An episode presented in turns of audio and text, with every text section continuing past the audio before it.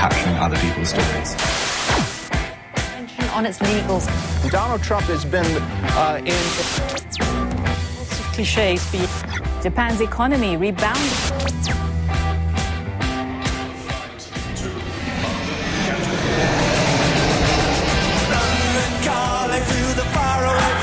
John Carlin, bon dia. Buen día, Roger. Què tal, John, com estàs? Bien, pensando que menos mal que tenemos la comedia de la familia real para entretenernos en estos tiempos tan, tan grises que vivimos. No decep mai, eh? Uh, I realment aquesta entrevista de, de Corina a OK Diario, que és aquest uh, diari bastant, per dir-ho així, surrealista, uh, és una entrevista sucosa, que ara ens explicava el Joany. Mm. Es Sí. Escolta'm, um, John, com estàs tu? Bueno, yo estoy en Madrid.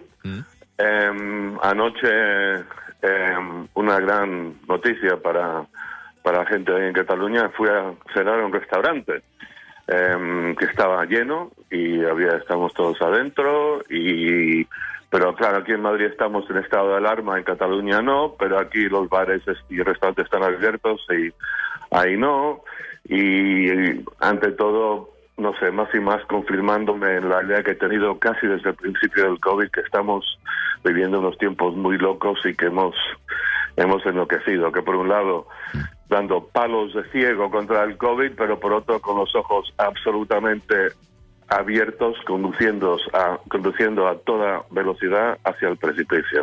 Uh, John, entenc que has anat a Madrid, evidentment, per, per feina. Uh, deixa'm preguntar-te, uh, t'han demanat el, el DNI o, d'alguna manera, el certificat uh, laboral per poder entrar i sortir de la capital espanyola? No, cero. No, no, Cap mena en de el- control. Vine en el AVE y fui al centro de Madrid, llegué a Tocha, nadie me pidió nada, eh, me subí a un taxi, fui a hacer una gestión aquí en la ciudad y después, eh, no sé, seguramente me meterían una multa de 10.000 euros por decírtelo, pero salí del centro de la ciudad, aquí estoy en casa de mi hermana, que es en Las Rozas, al norte de la ciudad, que no sé si es lo que se debe hacer, pero me subí a un taxi y le dije, mire, ¿usted me puede llevar a Las Rozas? Y dijo, sí, claro que sí, ningún problema, encantado. Aparte, me costó un dinerito.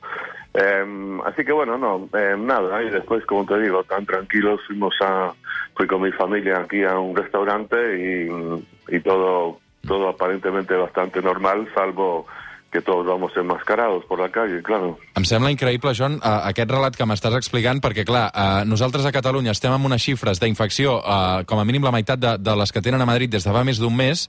Uh, tu has pogut anar a dinar a un restaurant amb la teva família amb tota normalitat, que entenc que tu també t'has posat en risc per prendre una decisió com aquesta, no?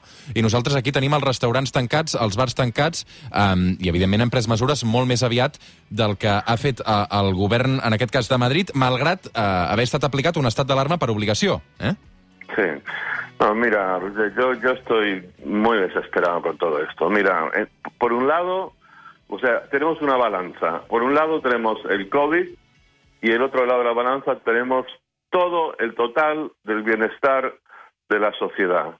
Y se ha decidido apostar todo al COVID. Y el COVID es una enfermedad que la gente que muere de ella tiene una promedio de edad de más de 80 años. Si tienes menos de 50 años, es más probable que te mueras de un accidente de coche. Si tienes menos de 30 años, es más probable que te parta un rayo.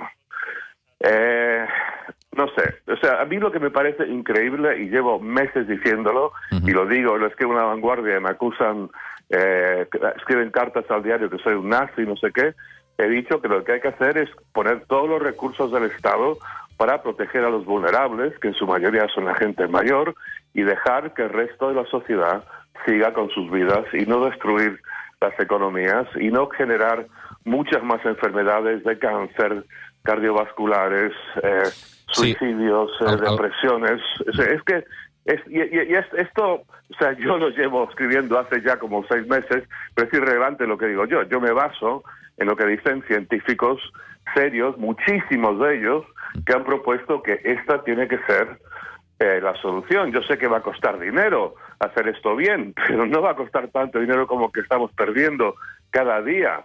con, con el cierre de la economía. El que passa, John, eh, és que el, el drama eh, i la particularitat d'aquest virus i d'aquesta pandèmia és que per molt que eh, els joves no ens afecti eh, tant com els grans, la manera de protegir els grans també és que aquests joves no vegin la gent gran, no? Aleshores, una manera de protegir els més vulnerables és també aturar i molt l'activitat dels més joves, no? Claro, ya, ya, mira.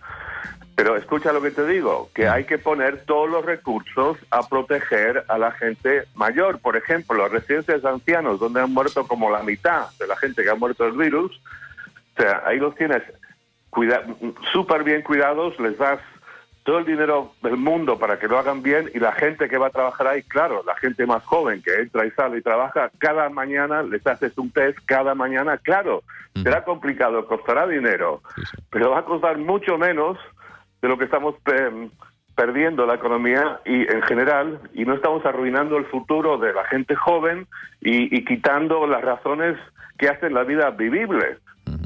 Sí, sí. Y no se hace. Y pero, pero, pero ¿os habéis enterado de esta declaración de la semana pasada de los científicos estos? La. Greater Barrington Declaration, que apenas ha tenido trascendencia aquí en España, la que proponen. Sí, la, la, la revista de. Lancet, no? La revista de Lancet, l'hem llegit, sí, sí. sí, sí. Bueno, la han firmado, bueno, hacía una semana 6.500 científicos y médicos habían firmado esta declaración que dice básicamente lo que yo de forma muy simple acabo de decir ahora y creo que ahora han subido, creo que ahora son como 20.000. Y aquí en, en, en Cataluña, en España en general, se le ha dado poquísima atención.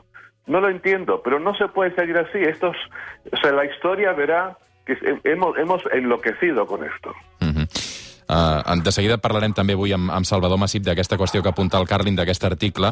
En qualsevol cas, John, eh, desitjo que la feina et vagi bé i al·lucino amb la capacitat i la facilitat amb què has pogut entrar i moure't lliurement eh, per Madrid, eh, malgrat que, evidentment, tu ja anaves a treballar, però no t'han fet cap mena de control. Vull dir que... Sí, bueno, mira, am- am- sí, es verdad, pero, pero es, que, es que es simplemente otro síntoma más, no del virus, sino de la locura en la que hemos caído y lo que acabo de decir al principio ahora, que estamos dando palos de ciego. O sea, no tenemos ninguna seguridad de que estas medidas de confinamiento, de esto, del otro, de cerrar bares y restaurantes, que van a frenar el virus, que van a evitar más muertes. No tenemos ninguna seguridad, pero tenemos la absoluta seguridad de que mucha más gente va a morir de otras cosas y que la economía se va a destruir y que la gente va a sufrir muchísimo. Eso está claro. Un minut per arribar a les 9 del matí. Avui arribarem uh, fins les 9 amb aquesta cançó que es diu Irish Pub Song dels The, Higher, uh, The High Kings. Um, gràcies, uh, Joan Carlin. Uh, bona feina, salut i pendents de tram a partir de la setmana que ve, uh, també amb el relat del, del John Carlin, pendents d'aquestes eleccions americanes que ens traslladarà l'antena del suplement. John, cuida't molt, una abraçada. Un abrazo a Roger.